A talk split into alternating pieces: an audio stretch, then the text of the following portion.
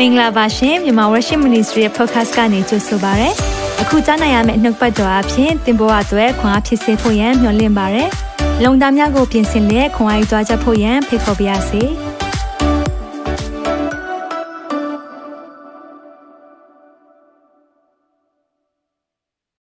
မင်္ဂလာပါဖျာရှင်နာမ၌အရောက်စီတိုင်းကိုကြိုးဆိုပါရစေဒီနေ့မှာဖျားရဲ့ပြင်ဆင်တဲ့နေ့ဖြစ်ပါတယ် ဒီနောက်ကပတ်တော့လည်းအရေးပေါ် breaking news ပေါ့နော်အရေးကြီးတဲ့အရာလေးဖြစ်တဲ့အတွက်ကြောင့်မလို့ဒီကနေ့မှာဒီရဲ့အရာလေး sign စိကျွန်တော်ဒီဒလောမှာတော်တော်လေးပြောဖြစ်တယ်။ဘာကြောင့်ပြောဖြစ်တာလဲဆိုရင်တော့နောက်ဆုံးသောကာလဟာအင်မတန်မှနီးစပ်လာတာနဲ့အမျှသခင်ပြန်လာမယ့်နေ့ရက်ကလည်းတဖြည်းဖြည်းတစ်နေ့ပြီးတစ်နေ့ပိုပြီးနီးလာပြီ။ယုံကြည်သူတွေကိုကျွန်တော်တို့ကင်းဆောင်နေရသတိပေးဖို့လိုတယ်။ဒါကြောင့်ဒီနေ့မှလည်းသတိပေးခြင်းနဲ့အတူ အာအစ္စရေးနိုင်ငံမှာဖြစ်ပျက်နေတဲ့အကြောင်းအရာလေးနဲ့ပတ်သက်ပြီးတော့အနေငယ်အားလုံးကိုပြန် sharing လုပ်ခြင်းနဲ့အဒီအစီအစဉ်အပြီးမှာလည်းကျွန်တော်တို့အစ္စရေးနိုင်ငံအတွက်အတူတူကဆူတောင်းခြင်းအစီအစဉ်ကိုလုပ်သွားရအောင်လို့ဒါကြောင့်အားလုံးပေါ့နော်ယေရုရှလင်မြို့အတွက်ဆူတောင်းပေးခြင်းမှာလည်းပါဝင်ဖို့ရန်အတွက်ဖိတ်ခေါ်ပါရစေအားလုံးလည်းအစဉ်သင်ဖြစ်နေပြီဆိုတဲ့အတိုင်းပဲကျွန်တော်တို့ဝန်ခံနေကြနှုတ်ပတ်တော်ဝန်ခံရင်းနဲ့ဆူတောင်းဆက်ကပ်သွားရအောင်139ခုမြောက်သောစာလံ105 ကျွန်တော်ရွတ်ဆိုရအောင်ဒီနှစ်သုံးနှုတ်ကပတ်တော်သည်ကျွန်ုပ်ခြေရှိမှမိခွက်ဖြစ်၍ကျွန်ုပ်လမ်းကြီးကိုလင်းစေပါ၏ဒီနေ့နှုတ်ပတ်တော်အပြင်ဖခင်ကကျွန်တော်တို့ကိုလမ်းပြဖို့စက္ကန့်နိုင်အောင်တန်ရှင်တော်ဖခင်နာမတော်ကိုချီးမွမ်းပါတယ်ဒီကနေ့ဟာကိုရောပြင်ဆင်တဲ့နေ့ဖြစ်ပါတယ်ဒီအကြောင်းအရာများဒီနေ့ပြောမယ့်အရာများသည်ပုပ္ပနမိတ်များဖြစ်ပါတယ်ကက်ကာလာရဲ့နမိတ်များဖြစ်ပါတယ်ဒီအရာတွေကြည်တိုင်းမှာကျွန်တော်တို့အတွက်မျောလင့်ချက်ရှိကြောင်းကိုတာ၍သိစေလို့ယေရှုတင်တယ် လောကကြီးရဲ့အခြေအနေတွေဘလောက်ပဲဆိုးဝါးနေပါစေကိုရောရဲ့ကောင်းမြတ်ခြင်းဟာဘယ်တော့မှမပြောင်းလဲတဲ့အတွက်ယေရှုတင်ပါတယ်ကိုရောအမြဲတမ်းကောင်းမြတ်နေလို့ယေရှုတင်တယ်ဒါကြောင့်မလို့ဒီနေ့မှာလည်းကိုရောရဲ့လမ်းပြခြင်းနဲ့ပို့ဆောင်ခြင်းကိုတောင်းခံပါတယ်လမ်းပြပေးပါပို့ဆောင်ပေးပါအချိန်တိုင်းနဲ့သက်သာအားလုံးကိုကိုရောလက်ဝင်နဲ့အနန္တခါမှာ တပါးယောသားရမြတ်သခင်ရှုနာမှာ၌စက္ကန့်နဲ့ဆုတောင်းပါ၏အာမင်အာမင်ကျွန်တော်တို့ဒီနေ့လောကပတ်တော်ကိုတော့ခေတ်ကာလရဲ့နမိတ်များအပိုင်း၅ပေါ့နော်ဆိုတော့ prophecy update နဲ့ခေတ်ကာလရဲ့နမိတ်များဆိုပြီးကျွန်တော်နောက်ပိုင်းမှာခွဲပြီးတော့ပြောပြလေးရှိတယ်။ဘာကြောင့်လဲဆိုတော့ဒီ sign လေးတွေကိုမြင်တွေ့ဖို့လိုတယ်။ sign လေးတွေ sign လို့ပြောတဲ့အခါမှာခေတ်ကာလရဲ့နမိတ်တွေနော်ခေတ်ကာလနမိတ်လို့ပြောတဲ့အခါမှာပြီးခဲ့တဲ့အာရက်ပိုင်းကပဲ အဒီလနဲ့ပတ်သက်ပြီးတော့နမိတ်လည်းတကူတွေ့သွားတယ်ပေါ့နော်တွေ့ရတယ်အာဒါလည်းကျွန်တော်ကိုတချို့ပို့ပေးလာတဲ့အရာလေးတွေတွေ့တဲ့အခါမှာအာဒီလနဲ့တောက်ချာဂျိုနဲ့တန်းသွားတဲ့ဂျာလေးတွေပေါ့နော်ဆိုတော့ဒီຢာလေးတွေရောဘာတွေများထူးခြားသလဲနော်အာဒါနဲ့ပတ်သက်ပြီးတော့ကောင်းကင်ရဲ့နမိတ်များပေါ်မယ်ဆိုတဲ့လောက်ဘတ်တော်တွေရှိပါတယ်နော်ဒါပေမဲ့ဒီဒီနေ့မှာတော့ကျန်းစာတအုပ်လုံးရဲ့ ပြောမယ်ဆိုရင်တော့အကြီးဆုံးနမိတ်လို့ပြောလို့ရတယ်။ Israel နိုင်ငံနမိတ်ကိုကြည့်ရမယ်။ဆိုတော့ Israel နိုင်ငံက1948မှာမှနိုင်ငံအဖြစ်ပြန်ပြီးတော့ရှိလာတယ်။နိုင်ငံပျောက်သွားတာနှစ်ပေါင်း2000နော်2000နီးပါးပေါ့2000ရှိတယ်။ဆိုတော့နိုင်ငံတွေပျောက်ပြီးတော့အခက်ခဲတွေကြားထဲမှာဂျူးလူမျိုးတွေအသက်ရှင်ရတယ်။အဲ့လိုအသက်ရှင်ရတဲ့အချိန်မှာနိုင်ငံပြန်ရှိလာဖို့သူတို့တွေ ကျန်းစာပြောထားတဲ့အရာရှိတယ်နော်ရေစကြည်လာ30ခွန်မှာအယိုးစုတွေပြန်ပြီးတော့ဘိုးချီဖြစ်လာတယ်တဲ့ the nation of israel ရေစကြည်လာ30ခွန်မှာဒီအကြောင်းပြောတယ်အဲ့ဒီအကြောင်းပြောလဲပြောပြီးရောအဖြစ်ပြက်ဖြစ်ပြီးတဲ့နောက်မှာဘာဖြစ်မလဲဆိုတော့ရေစကြည်လာ38 39စစ်ပွဲဖြစ်မယ်ဒါတော့သိတာပါတယ်เนาะအစင်လိုက်လေးပဲရေစကြည်လာ30ခွန်ပြည့်စုံပြီးသွားပြီ38နဲ့39ပြည့်စုံအောင်မယ် ဆိုတော့ဒီအရာလေးတွေဖြစ်တဲ့ခါမှာတော့ကျွန်တော်တို့က Israel ကိုအမြဲတမ်းစောင့်ကြည့်နေတယ်။ဘာကြောင့်စောင့်ကြည့်တာလဲတစ်ချက်လောက်နှုတ်ပတ်တော့ ਨੇ ကျွန်တော်တို့ချိန်ထိုးကြည့်အောင်။ဆိုတော့လူကာ21ထဲမှာဒီလိုပြောပါတယ်ငွေ29တပန်ထက်၍မိန်တော်မူသောဥပမာကသင်္ဘောတပန်းပင်မှာစ၍သင်္ဘောတပန်းပင်လို့ပြောကြည့်ပါဦး။သင်္ဘောတပန်းပင်ဘာကိုပြောတာလဲ။ကြည့်အောင်တစ်ပင်များတို့ကိုမှတ်ကြလောတဲ့သင်္ဘောတပန်းပင်နဲ့တစ်ပင်များတဲ့ဆိုတော့နှစ်ပိုင်းရှိတယ်။သင်္ဘောတပန်းပင်က Israel နိုင်ငံကိုပုံဆောင်တယ်တစ်ပင်များဆိုတာအဲ့ဒီနိုင်ငံတွေပေါ့ပတ်ဝန်းကျင်နိုင်ငံတွေကိုကြည့်ရမယ်တဲ့လောကမှာဖြစ်ပျက်နေတဲ့နိုင်ငံတွေကိုကြည့်ရမယ်ဒီလိုပြောတဲ့အခါမှာနိုင်ငံရေးအကြောင်းပြောတာထက်နိုင်ငံတော်ဘယ်တော့များရောက်လာမလဲဆိုတဲ့အရေးကိုပြောနေတာဖြစ်တယ်ဒါကြောင့်အရွက်ပေါက်တော့အခါဆိုတာဘာကိုပြောတာလဲတင်မောတပန်းပင်အရွက်ပေါက်တယ်အဲ့ဒီတင်မောတပန်းပင်ကိုသခင်ယေရှုချိန်ပလိုက်တာမှတ်မိတယ်ထင်တယ်နော် ဆိုတော့တင်မောတပန်းပင်အရွက်တွေရှိတဲ့အခါမှာအသီးသူကအရွက်ရဲ့အောက်လေးမှာအသီးအမြဲတမ်းရှိတတ်တယ်ဆိုတော့အရွက်တွေဝေစားနေတော့သခင်ယေရှုနဲ့တပည့်တော်တွေကသွားတဲ့အခါမှာကြည့်တော့အသီးမရှိဘူးအသီးမရှိတော့ကဲအရွက်ပဲဝေစားပြီးအသီးမသိရင်တော့ချိန်မယ်ဆိုပြီးဒီအဲ့ဒီအပင်ကိုချိန်လိုက်တဲ့အခါမှာညှိုးနှမ်းသွေ့ချောက်သွားတယ်။ဘာကိုပုံဆောင်လဲ။ဣသရေလနိုင်ငံဖျားရဲ့ချိန်ဆခြင်းထဲမှာရှိတော့ AD 80ကနေနိုင်ငံပြတ်သွားတယ်။ အားလုံးဂျူးလူမျိုးတွေကစင်ကလေးအားနဲ့တိုင်းပြည်ကနေစွန့်ခွာပြီးတော့နိုင်ငံတကာမှာထွက်ပြေးရတယ်။မျက်နာငယ်စွာနဲ့အသက်ရှင်ရတယ်။ဒါပေမဲ့ဖျားလူမျိုးဖြစ်တဲ့အခါမှာဖျားအပြစ်မထားပါဘူး။သူတို့ကိုဉာဏ်ပညာပေးတယ်။နော်သူတို့ကြိုးစားတယ်။ဖျားရဲ့အာတရားတော်ပေါ့အထူးသဖြင့်သူပြည့်ညက်ဒီကိုလိုက်လျှောက်တဲ့အခါမှာတော့ဘုရားရဲ့ကောင်းကြီးမင်္ဂလာရှိတဲ့အခါမှာလဲနိုင်ငံတကာမှာသူတို့မျက်နှာရလာတယ်ဗန်လုပ်ငန်းတွေအောင်မြင်လာတယ်အဲကြောင့်ဂျူးလူမျိုးတွေနဲ့ပတ်သက်ပြီးတော့ ဂျူးတွေကိုဘာကြောင့်မုန်းကြတာလဲဆိုရင်တဲ့မမုန်းခြင်းတစ်ခုလုပ်ဖို့လိုတယ်တဲ့အဲ့ဒါသုံးသက်တဲ့လူတယောက်ပြောပူတာဂျူးတွေဂျူးတွေအမုန်းမခံရဖို့တစ်ခုဖြစ်ဖို့လိုတယ်တဲ့အဲ့ဒါဘာလဲဆိုတော့ဂျူးတွေကကြာရှုံးဖို့လိုတယ်တဲ့ဘာလို့လဲဆိုတော့လှုပ်လေရာမှာအမြဲအောင်မြင်တယ်လုပ်ငန်းတွေမှာအမြဲအောင်မြင်တဲ့ခါမှာလူမုန်းခံရတာလည်းဖြစ်တယ်နောက်ပြီးတော့ဖះလူမျိုးတော်ဖြစ်တဲ့ခါမှာတော့စာတန်ကလည်းတိုက်ခိုက်ထိုးနှက်တာလည်းဖြစ်တယ် ဒါပေမဲ့ဂျူးလူမျိုးတွေဟာခေါင်းမာတယ်လေပင်ခိုင်မာတဲ့အမျိုးဖြစ်တယ်ဒါကျွန်တော်ကျမ်းစာတွေမှာလည်းခဏခဏတွေ့ရတယ်ဖះတော်မှာအင်မတန်မှစိတ်ပြည့်ရတဲ့လူမျိုးဖြစ်တယ်ဣသရေလနိုင်ငံမှာအခုလက်ရှိဖြစ်ပျက်နေတဲ့အရာနဲ့နောက်ဆုံးသောကာလဘာဆက်ဆက်လဲဒီနေ့ကျွန်တော်တို့အဲ့ဒါတွေကိုပြောရင်လည်းလေ့လာသွားရအောင်ဆိုတော့ဒီမောတဖန်ပဲအရွက်ပြန်ပေါက်လာတယ်ဆိုတာဘာကိုပြောရလဲဆိုတော့နိုင်ငံကပြန်ပြီးတော့ blooming ဖြစ်တယ်ဆိုတော့ဝေစားပြီးတော့ပြန်ပြီးတော့အသီးတွေပြန်ရှိလာပြီ ဒီကာလဣသရေလနိုင်ငံအခုရှိလာတာနှစ်ပေါင်း80ကျော်လာတဲ့အချိန်မှာအခုကမ္ဘာမှာ technology နဲ့ပတ်သက်တဲ့အရာတွေလုပ်ချင်တယ်ဆိုရင်ဂျူးဣသရေလနိုင်ငံမှာတော်တော်လေးဒီရဲ့အရာတွေက company တွေတွေးဆောင်ဆွေးနွေးမှုတွေပြီးတော့အရှိလေပိုင်းမှာအချက်ချာကြတဲ့နေရာမှာရှိတဲ့အခါမှာ Israel ရဲ့နီးပညာထုံးကားခြင်းအင်မတန်မှကောင်းတယ်။ဒါကြောင့်မလို့အဲຫນွေကာလရောက်ပြီးတော့ပြန်ပြီးတော့ အရွက်ပေါက်လာတယ်ဆိုတာဘာကိုပြောတာလဲဆိုရင်တော့ Israel နိုင်ငံပြန်လဲပြီးထုံးကားလာပြီးစင်ပြေလာပြီးဆိုရင်တော့ຫນွေကာလရောက်ပြီဆိုတာသိထားပါတဲ့အလိုလျောက်သိမြင်ထုံနည်းသူထိုအကြောင်းအရာများဖြစ်သည်ကိုမြင်ရလေ။ Israel နိုင်ငံပြန်ရှိမယ်။ပြန်ပြီးတော့စီးပွားရေးဆိုင်ရာမှာထွန်းကားလာမယ်ပြန်ပြီးအရွက်တွေဝေစားလာမယ်ဆိုရင်တဲ့ဘာဖြစ်မယ်လို့ပြောလဲဖျားသခင်ရဲ့နိုင်ငံတော် ဒီလူနီးပြီ။ဒါကြောင့်ဒီနေ့မှာတော့တခုရှင်းရှင်းလင်းလင်းပြောခြင်းနဲ့ပြောနေတဲ့အရာနဲ့ပြောမယ့်အရာတွေဟာနိုင်ငံရေးဆွေးနွေးနေတာမဟုတ်ဘူးနော်။နိုင်ငံတော်အရေးကိုပြောနေတာဖြစ်တယ်။နိုင်ငံရေးနဲ့ပတ်သက်ပြီးတော့ကျွန်တော်တို့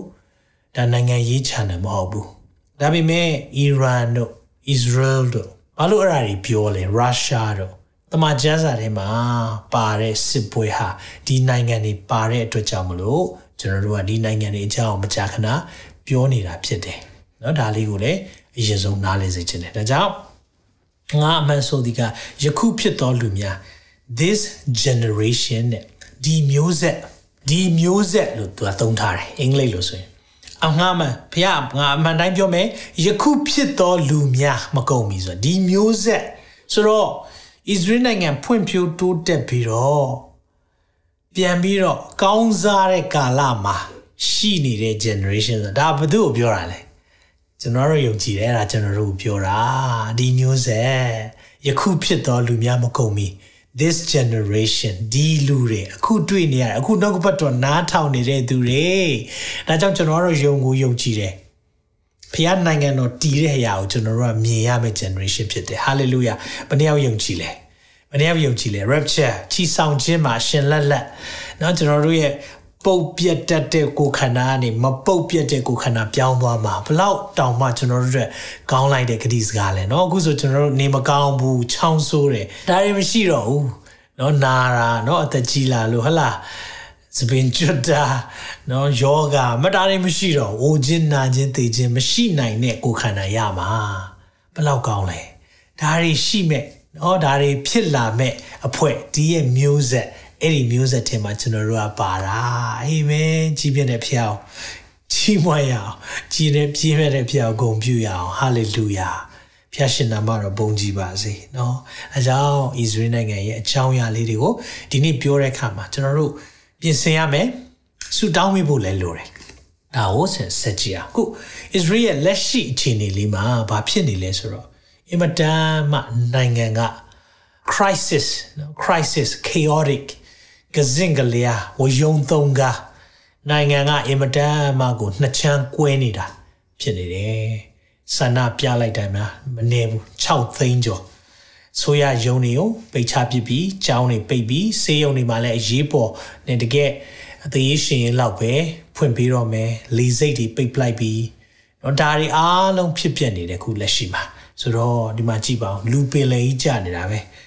တော့ဒီရဲ့အရာတွေအခု အာယေရုရှလင်မှာပဲမဟုတ်ဘူးပြနေတာ Tel Aviv တို့နော်နိုင်မြို့တွေတော်တော်များများမှာဆန္ဒပြမှုတွေအင်မတန်မှကြီးမားစွာဖြစ်တယ်ပြီးတော့အာဒီတော်တော်များများကအဒါကိုလှုပ်တဲ့အချိန်မှာသူတို့ရဲ့စိုးရိမ်တဲ့အရာလေးတွေရှိတယ်သူတို့ဘာလို့ဒီလိုတွေဆန္ဒပြလဲเนาะအာကျွန်တော်အဲ့ဒီအကြောင်းအရာလေးနဲ့ပတ်သက်ပြီးတော့အနည်းငယ်ပြောပြချင်တယ်ဆိုတော့အခုဒီဆန္ဒပြပွဲကဘယ်လောက်ရှိသွားပြီလဲဆိုတော့ ခုဆိုရင်12ပတ်ကျော်လာပြီเนาะ12ပတ်ဆို3လ3လတည်းရောက်လာပြီအ6သိန်းကျော်လောက်ပြတယ်နောက်ပြီးတော့အထူးသဖြင့်ဒီနီးပညာနဲ့ဆိုင်တဲ့ company တွေရဲ့အကြီးအကဲတွေကလည်းဒီကိစ္စကိုပွန့်ပွန့်လင်းလင်းပြောလာတာတွေရှိတယ်ဆိုတော့ခါတိုင်းဆိုရင်တော့သူတို့မပြောဘူးဒါပေမဲ့အခုချိန်မှာဒါမျိုးတွေကြီးကျယ်ပြောလာတယ်နောက်ပြီးတော့အာဒီနိုင်ငံရေးထဲမှာအထင်ကြီးဖြစ်တဲ့ဒီထောက်လန်းရေး အကြီးကဲဟောင်းပေါ့နော်သူဆိုရင်လည်းအခုဖြစ်တဲ့အရာတွေကတဲ့နိုင်ငံအတွက်လုံခြုံရေးအင်မတန်မှထိခိုက်လာနိုင်တယ်စသဖြင့်ပြောတယ်နောက်ပြီး trade union ဆိုတာကတော့ဒါအာဒီအလုံသမားသမဂ္ဂလည်းဆန္ဒပြဖို့နောက်တောင်းဆိုတာပေါ့နော်ဒီလုပ်ငန်းတွေကနေအလုံနားပြီးတော့ဒါတပိတ်မှောက်မှာပေါ့နော်ဆန္ဒပြရဲဆိုတော့တပိတ်မှောက်ပါတယ်လုံမယ် airport တွေပိတ်လိုက်ပြီးနော်ဒါအယောင်ကုံစုံဆိုင်ဒီမှာဆိုင်အများကြီးဖြစ်ပြနေတယ် နော်ចောင်းတွေပိတ်ပြီးအာလေစိတ်ပိတ်ပြီးနောက်ပြီးတော့အာဒီအစိုးရအဆောက်အုံထဲမှာဆိုရင်အထူးသဖြင့်ဒီအာအမေရိကမှာရှိတဲ့ Israel တန်ယုံတော်မှာပိတ်ပြီးဒါမျိုးတွေဖြစ်လာတယ်ဆိုတော့နောက်ဒီဝန်ကြီးချုပ်ပေါ့နော်ခုဘန်ဂျမင်နာတန်ယာဟူရဲ့အာရှေ့နေကဆိုရင်ဒီကိစ္စကိုသူသူကိုယ်တိုင်တော်မှအာအကယ်၍သာဒီကိစ္စပေါ့နော်ဒီတရားရေးကဏ္ဍပြုပြင်ခြင်း ဆိုတော့ဒီတရားယုံနဲ့ပတ်သက်တဲ့ကဏ္ဍတစ်ခုသူတို့ကပြုပြင်ခြင်းတဲ့အရာလေးဆွေးနွေးတာဒါကြောင့်ဘာကြောင့်လူတွေဘာအလောက်တောင်စိတ်ဆိုးတာလဲကျွန်တော်အာတတ်နိုင်သလောက်เนาะနားလေသလောက်အနှဲငယ်ရှင်းပြခြင်းတယ်ဆိုတော့နိုင်ငံရေးဖြစ်တဲ့အခါမှာနည်းနည်းလေးတော့ရှုပ်ထွေးမှုရှိသလိုအခုဖြစ်ပျက်နေတဲ့အရာလဲတခြားနိုင်ငံတွေနဲ့တူတဲ့အပိုင်းရှိတယ်မတူတဲ့အပိုင်းလည်းရှိတယ်ဆိုတော့အစ္စရေးကဒီမိုကရေစီနိုင်ငံဖြစ်တယ်ဆိုတော့ပြည်သူကရွေးကောက်တင်မြှောက်ထားတဲ့အစိုးရရှိတယ် ဒါပေမဲ့ပြည်သူရွေးကောက်တင်မြှောက်ထားတဲ့အစိုးရမှာလည်းလက်ဝဲနဲ့လက်ရာဆိုတာအများတန်းရှိတယ်เนาะဆိုတော့လက်ရာ right เนาะ right wing left left wing လက်ဝဲရေးလက်ဝဲကြတော့ liberal เนาะဆိုတော့ liberal ဆန်တယ်လက်ရာဆိုရင်တော့ conservative နော်ရှေးရိုးဆွဲတယ်စသဖြင့်ဒီလိုဂျားထဲမှာတော့နိုင်ငံတိုင်းမှာတော့အဲ့လိုမျိုးအမြဲတမ်းအမြင်မတူတာပါအဓိကတော့ဒီလိုအမြင်မတူတဲ့နှစ်ဖွဲ့ကအမြဲရှိတတ်တဲ့ခါမှာအခုချိန်မှာလက်ရှိ ညွန့်ပေါင်းဆိုရညွန့်ပေါင်းဆိုတာကတော့ပါတီတစ်ခုတည်းမဟုတ်ဘဲねပါတီပေါင်းပြီးတော့သူတို့ပါတီတစ်ခုတည်းကနေအစိုးရဖွဲ့ဖို့ထိုင်ခုံအရေးအတွက်မလုံလောက်ဘူးအမတ်အရေးအတွက်မလုံလောက်တဲ့အခါမှာဘာလုပ်ရလဲဆိုတော့ညွန့်ပေါင်းဖွဲ့ရတယ်ဆိုတော့တခြားပါတီတွေပါလာတယ်ဆိုတော့ဘင်ဂျမင်ဘင်ဂျမင်နာတန်ယာဟူရဲ့လခွတ်ပါတီနဲ့အတူသူတို့ကတော့ပါတီအကြီးဆုံးဖြစ်တယ်မဲလည်းအများဆုံးရတယ်ဒါပေမဲ့အစိုးရဖွဲ့ဖို့မဲမလုံလောက်ဘူးဆိုတော့တခြားဖွဲ့တွေလည်းခေါ်တဲ့အခါမှာသူတို့ထဲမှာဘယ်သူတွေပါလာလဲဆိုတော့ ultra orthodox ဆိုတဲ့သဘောကပါလဲဆိုတော့ရှီယူဇွဲတာတော့မှအယူသီးတာအရန်ကိုဆိုတော့စံစာအရပြောမယ်ဆိုရင်တော့သူတို့ကဟိုဘသူတွေနဲ့သွားတူလဲဆိုရင်တော့ fari share တွေနဲ့တောင်သွားတူတယ်နော်ဆိုတော့ဘာသာရေးမှာလည်းအင်မတန်မှကိုင်းဆိုင်တယ်အဲသူတို့ကသူတို့ပဲမှန်တယ်စသဖြင့်ပေါ့နော်အဲ့လိုပါတီကလည်းပါလာတဲ့အခါမှာတော့အလုတ်လောက်ရတာအင်မတန်မှခက်လာတယ်တစ်ဖက် လက်ဝဲရင်းနေကြတော့လေဘာဖြစ်လဲဆိုတော့ liberal ဖြစ်တဲ့အခါမှာဘာမဆိုလက်ခံတယ်နော်ဘာမဆိုလက်ခံတယ်ယောက်ျားမိန်းမဖြစ်လဲလက်ခံတယ်မိန်းမယောက်ျားဖြစ်လဲလက်ခံတယ်လိန်တူလဲလက်ခံတယ်အကုန်လုံးလက်ခံတယ်တစ်ဖက်ကကြတော့ဘဘာမှလက်မခံတဲ့တော်ယုံတယုံလက်မခံတာဒါထိတ်တိုက်တွေတွေ့ကုန်ကြပြီအဲ့လိုဖြစ်ရင်းနဲ့အခုဆိုရညွန်ပေါင်းတက်လာတဲ့ခါမှာသူတို့ကဘယ်လိုခံစားလဲဆိုတော့ ဒီတရားရုံးချုပ်ကနော်အမြင့်ဆုံးတရားရုံး Supreme Court လို့ခေါ်တာပေါ့နော် Israel ရဲ့တရားရုံးချုပ်ကသူတို့မှာအာဏာထိန်းချုပ်မှုများလွန်းတယ်နောက်ပြီးရင်သူတို့ထဲမှာအများစုကလည်းလက်ဝဲရင်း liberal တွေဖြစ်တယ်ဒါကြောင့်သူတို့ဘာလုပ်လို့အဆင်ပြေမှာမဟုတ်ဘူးဆိုတော့သူတို့အနေနဲ့တရားရုံးရဲ့အခွင့်အာဏာကိုအနှဲငယ်တော့ထိန်းချုပ်ရမယ်ဆိုတော့တရားရည်ကဏ္ဍကိုသူတို့ပြုပြင်ပြောင်းလဲဖို့လုပ်တာဖြစ်တယ် အကယ်၍နောက်ဆုံးနဲ့တရားရုံးချုပ်ကဆုံးဖြတ်ချက်တောင်မှလွတ်တော်ကပြန်ပြင်နိုင်တဲ့ပုံစံမျိုးသူတို့လုပ်ချင်တယ်ဆိုတော့အဲ့ဒါတွေကိုပြည်သူတွေကအင်မတန်မှစိတ်ဆိုးသောသားထွက်တယ်ပေါ့နော်ဆိုတော့အမေရိကအခြေအနေနဲ့တစ်ချက်ရှင်းပြီးပြောမယ်နော်ကျွန်တော်လည်းအမေရိကန်ကနေကြည်နေကြရဲဆိုတော့အမေရိကန်နေပါတယ်ဆိုတော့အမေရိကပြည်သက်တွေအတွက်လည်းပြောပြချင်တယ်ဆိုတော့အမေရိကမှာကြတော့ဒီတရားရုံးချုပ်ရဲ့ဆုံးဖြတ်ချက်ပေါ့နော်အခုဒီ Roe Roe v နော် weight ဆိုတဲ့ဟာကျွန်တော်တခါပြောဘူးတယ်ဒီအမျိုးသမီးတွေကိုဝင်ဖြတ်ချခွင့်ရှိရှိခြင်းမရှိခြင်းနဲ့ပတ်သက်ပြီးတော့တရားရုံးချုပ်ကဆုံးဖြတ်လိုက်ပြီဒါပေမဲ့အဲ့ဆုံးဖြတ်ချက်ကိုနိုင်ငံရေးပါတီတွေအနေနဲ့ကပြန်ပြီးတော့ပြင်လို့မရဘူးဒါမဲ့ Israel ကြတော့အဲ့ဒါကိုမျိုးအခြေအနေဖြစ်လာလို့သူတို့နဲ့မကြိုက်ဘူးဆိုပြင်ကျင်တယ်ဆိုတော့ဒီတစ်ခုကတော့တော်တော်လေးအာစားဖို့ခက်တယ်ပေါ့နော်လက်ခံဖို့ခက်တဲ့အရာတစ်ခုဖြစ်တယ်ဒါပေမဲ့ တခုရှိတာကြတော့သူတို့ကအမေရိကနဲ့မတူတာကြတော့အမေရိကမှာအခြေခံဥပဒေထဲမှာအခြေဒီတရားရုံးချုပ်ကိုအခြေခံဥပဒေကထိန်းချုပ်ထားတယ်ဆိုတော့တရားရုံးချုပ်ကတရားသူကြီးတွေကလည်းသူတို့ကိုထိန်းချုပ်တဲ့အရာရှိဖို့လိုတယ်အခုကဘယ်လိုဖြစ်နေလဲဆိုတော့ Israel ရဲ့တရားရုံးချုပ်ကသူတို့ထဲမှာပါဝင်မဲ့သူတွေကိုသူတို့ကရွေးခွင့်ရှိတာတော့စသဖြင့်ပေါ့နော်အဲ့ဒါတွေကလည်းအာအဆင်မပြေတဲ့အရာလေးတွေအများကြီးရှိတယ် ဆိုတော့အမေရိကမှာဆိုရင်တော့လွှတ်တော်ကနေအခုသမရကနေတင်သွင်းတာပေါ့နော်အဆိုတင်သွင်းပြီးတော့အဆင့်ဆင့်လွှတ်တော်ကစစ်ဆေးမှုတွေလုပ်ပြီးမှလက်ခံနိုင်နေဆိုမှပဲတရားရုံးချုပ်မှာ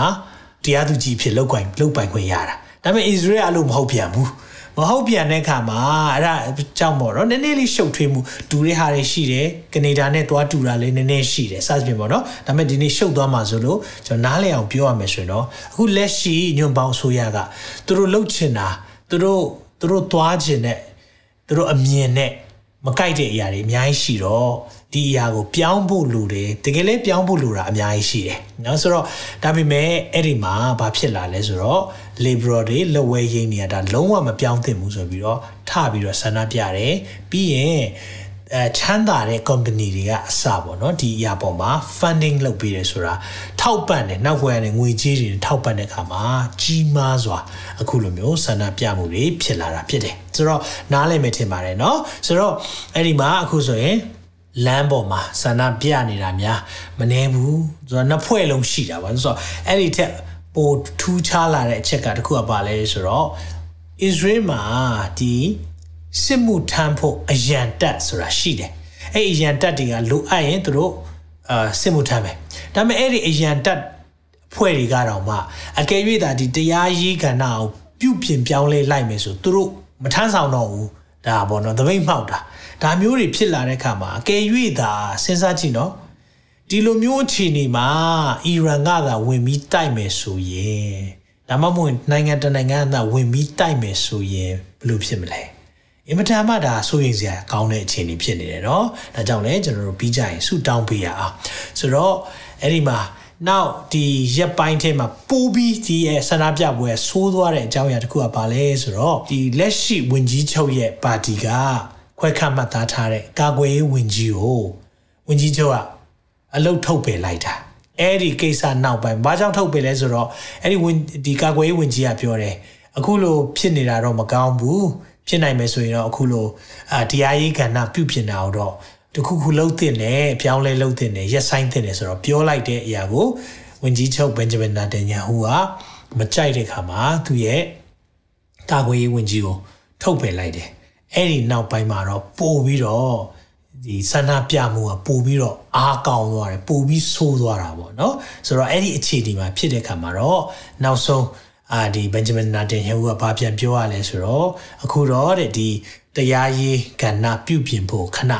ဆိုင်းငံ့ထားတော့မယ်တဲ့။ဘာကြောင့်လဲဆိုတော့နိုင်ငံနှချမ်းကွဲတာသူမမြင်ချင်ဘူးတဲ့။ပြည်တွင်းစစ်ဖြစ်တာမမြင်ချင်ဘူးလို့သူသုံးသွားတယ်။ဒီသုံးတော့တော်တော်လေး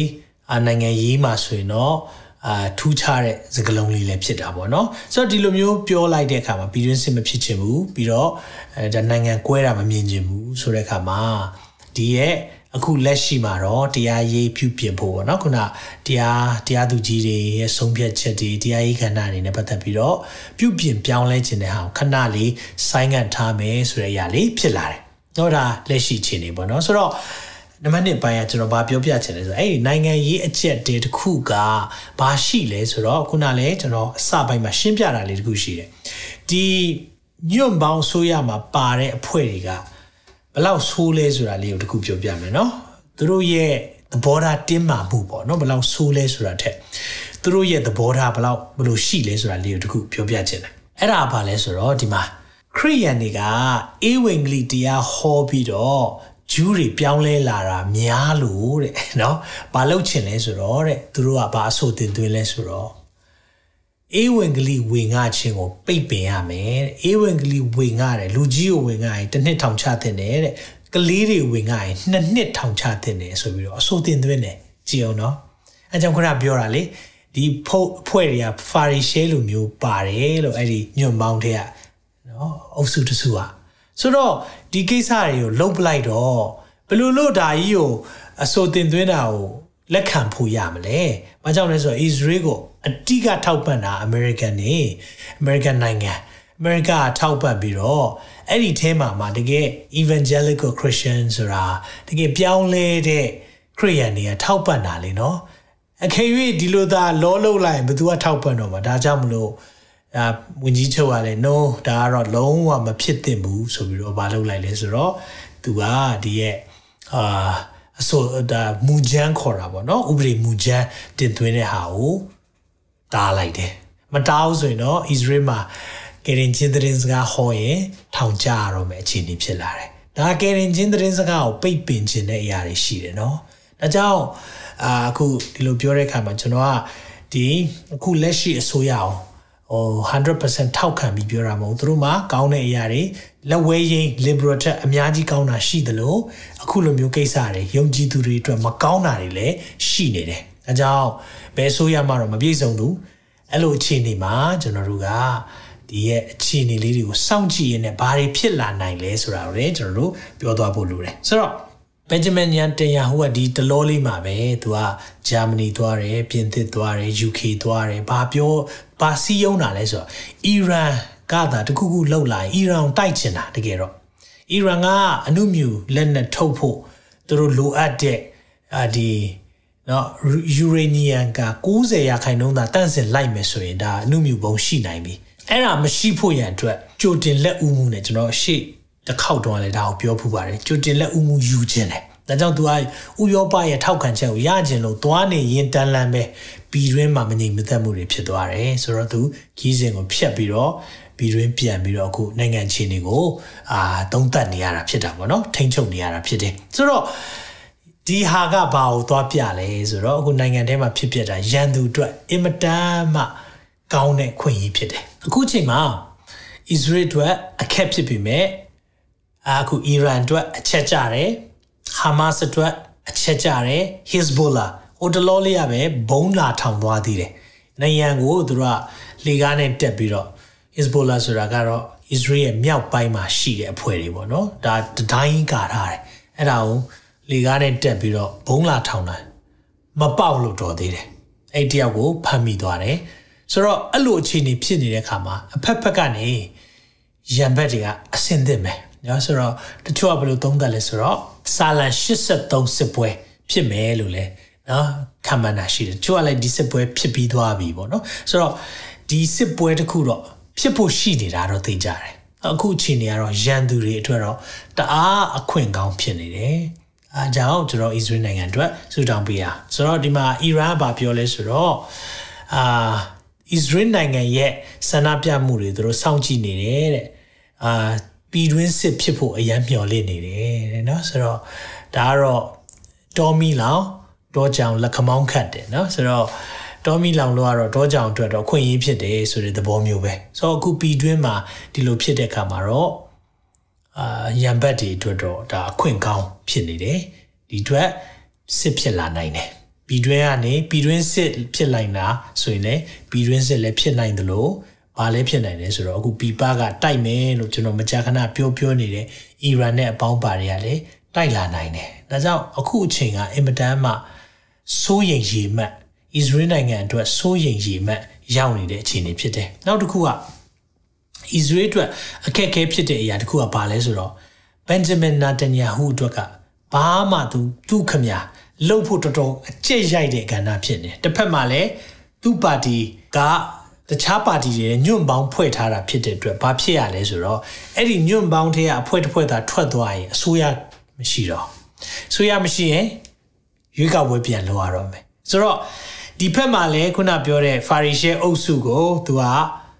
နည်းနည်းလေးလိုက်လျောဖို့လဲလိုတယ်အဲ့ဖွဲ့ကထွက်မယ်ဆိုရင်လည်းစကပုံရှိတယ်မလားမစားရတဲ့အမဲသဲနဲ့ပက်ဆိုတော့ကိစ္စမရှိဘူးငါတို့လိုချင်တာမရလို့ကတော့ထွက်မယ်ဆိုရင် အခုဖြစ်လာနိုင်တာက Israel မှာအစိုးရပြတ်သွားနိုင်တယ်ဒါကတခုနောက်တစ်ခုကဒီဘက်မှာကြည်ပြန်တော့လေပြပရဲ့ရန်ကလည်းရှိနေပြန်တယ်ဝန်ကြီးချုပ်အနေနဲ့ကတစ်ဖက်မှာလည်းသူ့ရဲ့ပါတီတွင်းမှာပြဿနာရှိသလိုတစ်ဖက်ကလည်းတခြားပြည်တွင်းကပြဿနာအခုဒီရဲ့အလိုကိုလိုက်လိုက်မယ်ဒီရဲ့သူ့ရဲ့ ညွန့်ပေါင်းဆိုရဖွဲ့ရဲ့တင်သွင်းတဲ့ဟာပေါ့နော်အခုတရားရေးကဏ္ဍပြုတ်ပြင်လိုက်မယ်ဆိုပြန်ရင်လေတစ်ဖက်ကနေအကြီးကျယ်အခုလိုမျိုးဆန္ဒပြတာတွေနဲ့အခုလိုမျိုးပဲပြန်ပြီးတော့ပြည်တွင်းစစ်ဖြစ်လာဖို့လည်းရှိတယ်ဆိုတော့အစိုးရအပြုတ်ခံမလားပြည်တွင်းစစ်ဖြစ်မလားနောက်နံပါတ်3ချက်ကတော့ပြည်ပရဲ့တိုက်ခိုက်လာတဲ့အရာကိုကြုံရမလားဒီ3ခုဒါကသိရေးကြီးသွားပြီရန်သူတွေအတွက်အင်မတန်မှကောင်းတဲ့အခွင့်အရေးဖြစ်နေတယ် Passover ဆိုတဲ့ပတ်သက်ခါပွဲတစ်ပတ်ပဲကျန်တော့တယ်ဆိုတော့ပတ်သက်ခါအစာရှောင်ခြင်းနဲ့ပတ်သက်ပြီးတော့ပတ်သက်ခါအကြောင်းကျွန်တော်နည်းနည်းလေးစံစာတဲ့ပတ်သက်ပြီးတော့ပြောပြချင်တယ်ပတ်သက်ခါပွဲမှတ်မိလားပထမဆုံးပတ်သက်ခါအီဂျစ်မှာကျွန်ခံနေပြီးတော့ဖိနှိပ်ချုပ်ချယ်ခံရတဲ့နောက်ဆုံးညအဲ့မှာဖခင်ကကြီးမားသောနမိတ်လက္ခဏာနဲ့သားဦးတွေအားလုံးကိုစီရင်လိုက်ပြီးတော့အဲ့လိုစီရင်ခြင်းနဲ့အတူပတ်သက်ခါပွဲနော် pass over တကားတိုင်းတွေမှာသွေးတုပ်ခိုင်းတယ်အဲ့ဒီသွေးကိုမြင်တယ်ဆိုရင်လွန်သွားမယ်လွန်သွားခြင်း pass over ပတ်သက်ခါရဲ့အိပဲလွန်သွားခြင်း pass over ဒီရဲ့အခြေအနေအခုရောက်တော့မယ်ကျွန်တော်တို့ယုံကြည်တယ်ဒီအခက်ခဲတွေကနေဖခင်ကလေကယ်မခြင်းတဖွဲ့တော့ရှိမယ်ယေရှုခရစ်တော်ရဲ့အသွေးတော်နဲ့ဆက်ဆံတဲ့သူတွေအတွက်တော့ဖခင်ရဲ့ကယ်မခြင်းရှိမယ်ဆိုတဲ့ prophetic word ရှိတယ်။အကြောင်းဒါယုံကြည်တယ် ဖခင်ရဲ့ဖော်ပြချက်လည်းဖြစ်တယ်ဒီရဲ့အခက်ခဲတွေကနေတခုခုတော့ကြော်လွန်သွားတော့မယ်။ဒါကြောင့်ဖာရောဘီယံကလည်းခေါင်းမာတယ်နှလုံးခိုင်မာတယ်နောက်ဆုံးချိန်ထိလုံးဝခွင့်မပြုခြင်းဖခင်ရဲ့ဒဏ်ခတ်ခြင်းရှိတယ်ခွင့်မပြုဖခင်ဒဏ်ခတ်တယ်ခွင့်မပြုခွင့်မပြုတဲ့ကြားတဲ့ကနေမှနောက်ဆုံးပါလုပ်လိုက်လဲဆိုတော့အာဥတွေစီရင်လိုက်တဲ့အချိန်ကြမှပဲလက်ခံလိုက်တယ်ဆိုတော့အခြေအနေတစ်ခုတော့ကျွန်တော်ကြုံရမယ်လို့ထင်တယ် ဒါကြောင့်မလို့ကျွန်တော်တို့ဒီနေ့နားလည်ဖို့ကရန်သူတွေအတွက်အခွင့်ကောင်းဖြစ်နေတယ်ကျွန်တော်တခုလေးပြချင်သေးတယ်ရီမာသင်မှာလည်းပြောတယ်မာကုမှာလည်းပြောထားတဲ့အရာလေးရှိတယ်အဲ့ဒါဘာလဲဆိုတော့သခင်ရှုပြောတဲ့အရာတိုင်းနိုင်ငံဒီမိမိနဲ့မသိမြတ်မသိမတင့်ကွဲပြားလေမတည်နိုင်ရတဲ့ house divided လို့အသုံးတော့ဆိုတော့ကွဲနေတယ်ဆိုရင်မိသားစုတွေကွဲနေတယ်ဆိုရင်ဘယ်တော့မှမတည်ဘူးတဲ့နိုင်ငံတိုင်းနိုင်ငံလည်းကွဲနေတယ်ဆိုရင် မတည်ဘူးတဲ့အိမ်ဒီလည်းမိမိနဲ့မသိမတက်ကွဲပြားလေမတည်နိုင်ရတဲ့ house divided ကွဲပြားနေတဲ့အိမ်ကဘယ်တော့မှ strong မဖြစ်ဘူးဒါကြောင့်ဒီနှုတ်ကပတ်တော်ကိုမြင်တွေ့တဲ့အခါမှာအခုဖြစ်ပျက်နေတဲ့အရာ Australia ကတိတ်မဆိုးဘူးဒါပေမဲ့ US America ကွဲပြားနေတာလုံးဝကိုကွဲနေတဲ့အိမ်ဒါကြောင့်စီးပွားရေးမှာခက်ခဲတယ်နိုင်ငံရေးမှာကျဆင်းတယ်နိုင်ငံတကာစာမျက်နှာမှာအမေရိကရဲ့အခန်းကဏ္ဍ ပို့ပြီးတော့မှိမိန်လာဖို့ပဲရှိတယ်ဒီလိုသာသွားမယ်ဆိုရင်အခုဒီ Israel တိုင်းပြည်ကယူဝါဒအရာနှစ်ချမ်းကွဲနေတယ်ဒီလိုအခြေအနေဖြစ်တဲ့ခါမှာတော့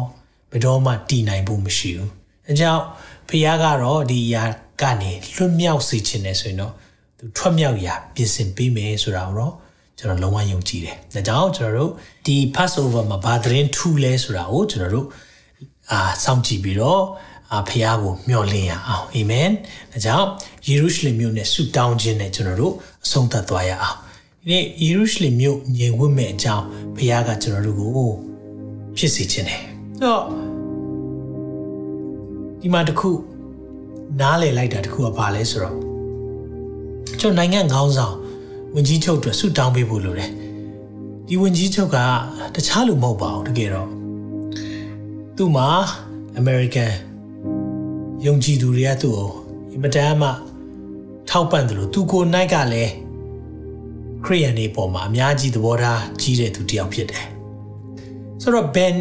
Benjamin ဆိုတာလည်းကျွန်တော်သိတယ်လို့ my right hand man ပေါ့နော်နောက်လက်ရဘက်ကလူလူဆိုတဲ့အဓိပ္ပာယ်နောက်တစ်ခုနာတန်ယာဟူဆိုတဲ့အဓိပ္ပာယ်လေးကျွန်တော်ဒီမနေ့မှလေ့လာကြည့်တာနာတန်ယာဟူရဲ့အဓိပ္ပာယ်ကလေ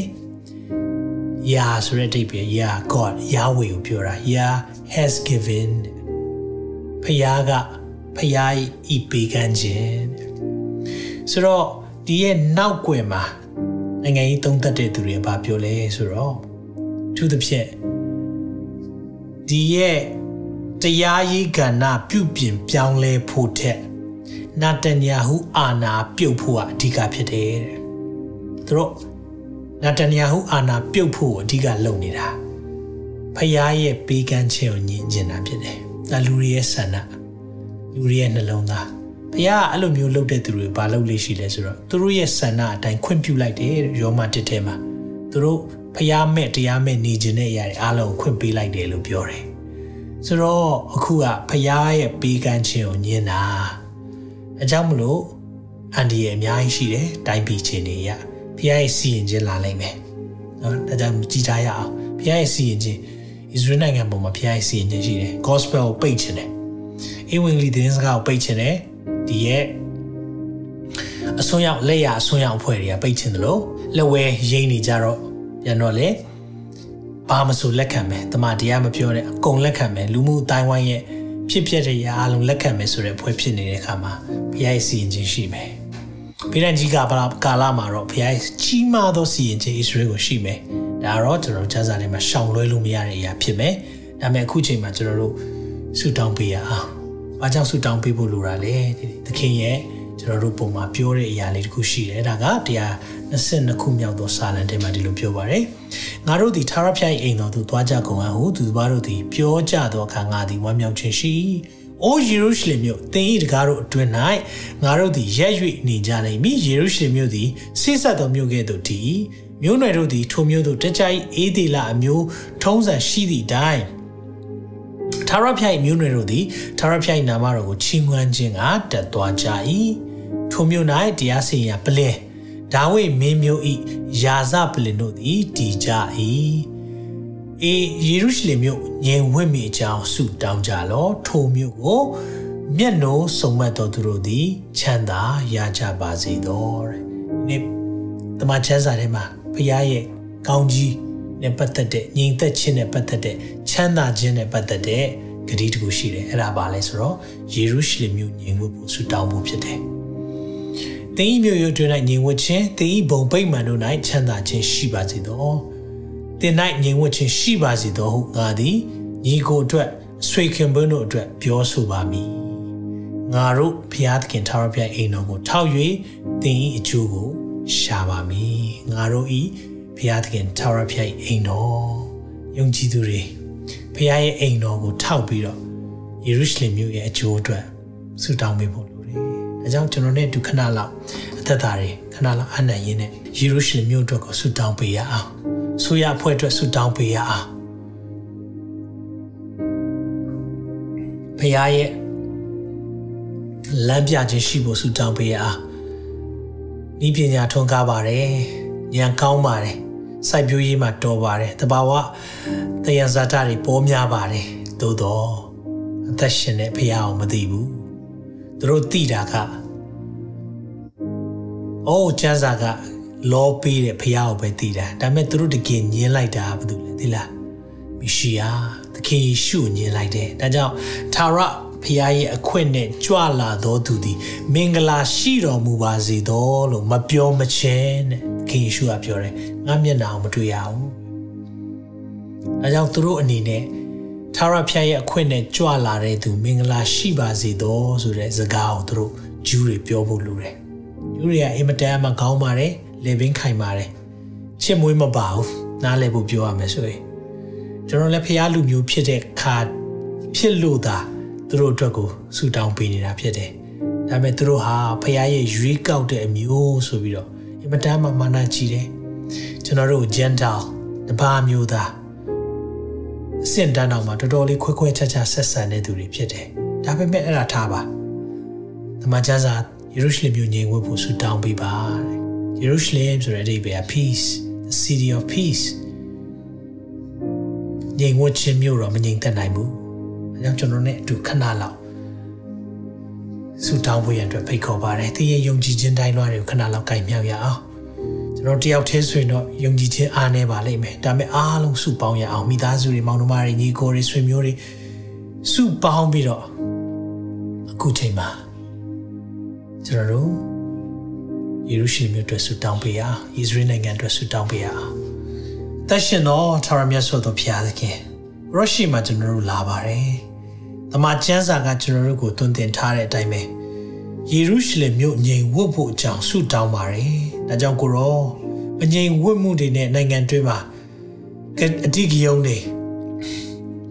တပိတ်မှမှုတွေဆန္ဒပြမှုတွေသဘောထားကွဲလဲမှုတွေဖြစ်နေတဲ့အရာမြင်တွေ့တဲ့အခါမှာကိုရော ယေရုရှလင်မြို့အတွက်ဆုတောင်းပေးပါတယ်။ဒီအရာဟာအစိုးရပြတ်ဖို့အကြောင်းဒါမှမဟုတ်ရင်ကိုရောပြည်တွင်းစစ်ဖြစ်ဖို့အကြောင်းဒါမှမဟုတ်ရင်ပြည်ပကလာတိုက်ခိုက်ဖို့အကြောင်းတွေအခွင့်အရေးဖြစ်နေပါတယ်ဒါပေမဲ့ကိုရောရဲ့လက်ရတော့ယေရုရှလင်မြို့ပေါ်မှာတည်နေတယ်ဆိုတာကိုအထူးပဲယုံကြည်ပါတယ်အဲကြောင့်ကိုရောဣတိလမျိုးကိုစောင့်တော်သူသည်ငိုက်မိအိပ်ပျော်ခြင်းရှိတော်မမူကိုရောပြောတဲ့အတိုင်းပဲကိုရော you are still on the throne ကိုရောယာဇပလင်မှာကိုရောထိုင်နေစေဖြစ်ပါတယ်ဒါမဲ့ကျွန်တော်တို့အနေနဲ့ကိုရောဆူတောင်းပေးပါတယ်လေပင်ခိုင်မာတဲ့နှလုံးသားမာကြောတဲ့ယူလူမျိုးတွေအတွက်ဆူတောင်းပေးပါတယ်ကိုရောသူတို့ရဲ့ခံယူချက်တွေပေါ်မှာပဲရက်တည်ပြီးတော့မေရှိအောင်ညင်းပယ်တဲ့အဖြစ်တွေအတွက်လည်းရောရှိမှာဝန်ချတောင်းပန်ပါတယ်သာရဖျားရဲ့အခွင့်နဲ့ကြွလာတော်သူမင်္ဂလာရှိပါစေလို့မပြောမချင်း ငါမျက်နှာအောင်မတွေ့ရဘူးလို့ကိုရောပြောတာကိုလည်းကျွန်တော်တို့မှတ်မိပါတယ်ဒါကြောင့်ကိုရောသူတို့နှလုံးသားကြောက်နှလုံးသားအသားနှလုံးလဲပေးနိုင်တာကိုတော့ဖြစ်ပါတယ်။ပြည့်ညက်တရားတွေကိုစာထဲမှာရေးတာမဟုတ်ပဲနှလုံးပေါ်မှာရေးပေးမယ်ဆိုကိုတော့ပြောတဲ့ဂတိတော်ကိုလည်းမျှော်လင့်ပါတယ်။ယေရုရှလင်မြို့ဟာလည်းနောက်ဆုံးသောကာလမှာလူအများအတွက်လေးသောကြောက်လေးသောဝန်ဖြစ်စေမယ်ဆိုတဲ့အတိုင်းပဲအခုချိန်မှာမြင်တွေ့နေရပါတယ်ကိုရော။ဒါပေမဲ့ကိုရောကိုရောရဲ့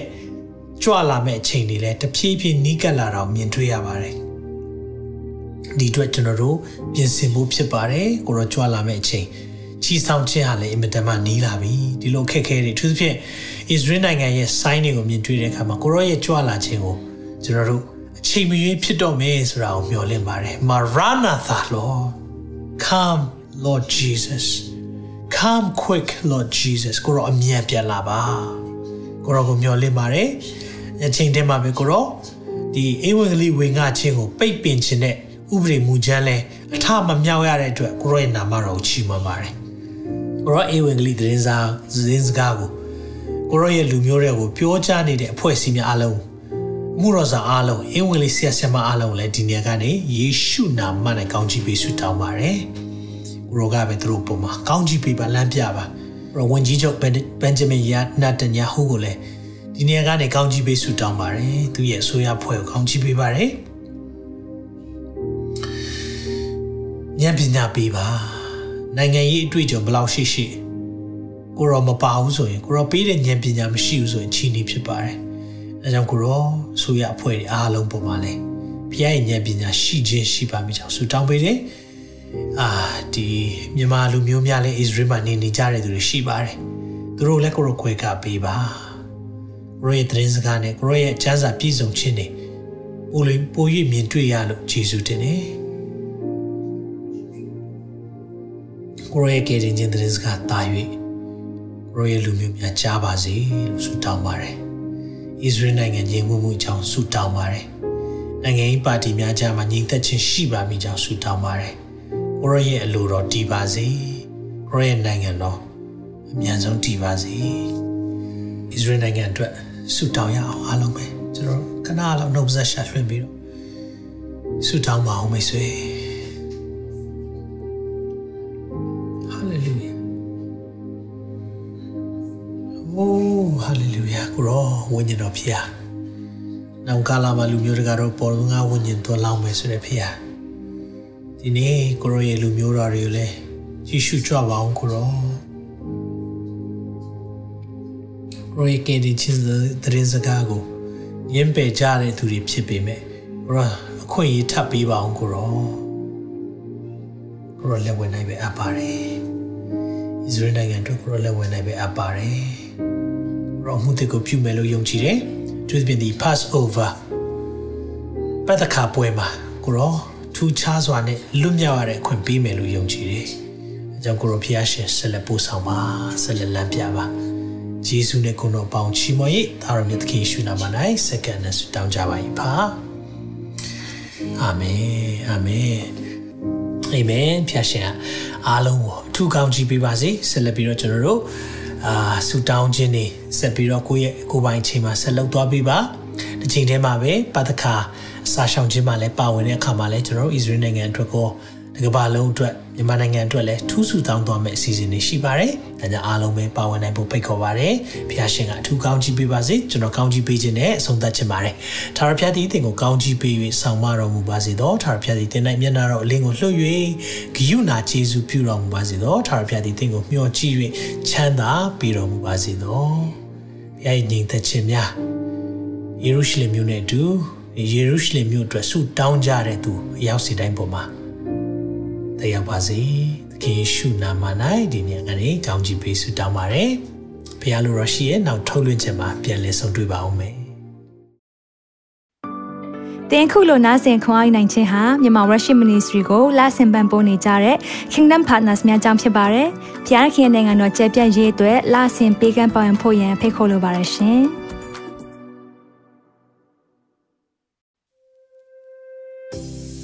ခုကြားနာခဲ့ရတဲ့နှုတ်ပတ်တော်အဖြစ်ခွန်အားရရှိမဲ့လို့ယုံကြည်မျှော်လင့်ပါတယ်။ခွန်အားရဆိုလို့ရှိရင်ဒီတစ်ပတ်နဲ့ပြန်လည်ဝင်မြပေးဖို့ရန်တောင်းဆိုပါရစေ။ Myanmar Worship Ministry ရဲ့ website myanmarworship.com ကိုလည်းလာရောက်လေ့လာဖို့ရန်တွဲဖိတ်ခေါ်ချင်ပါတယ်။တချိန်ထဲမှာ Myanmar Worship Ministry ရဲ့ social media platform များဖြစ်တဲ့ Myanmar Worship YouTube Channel, Myanmar Worship Facebook Page နဲ့ Myanmar Worship Instagram များကိုလည်းလာရောက်လေ့လာဖို့ရန်တွဲဖိတ်ခေါ်ချင်ပါတယ်။နောက်တစ်ချိန်မှာပြန်လည်ဆုံတွေ့ကြပါစို့။ဖျားရှင်ကောင်းကြီးပေးပါစေ။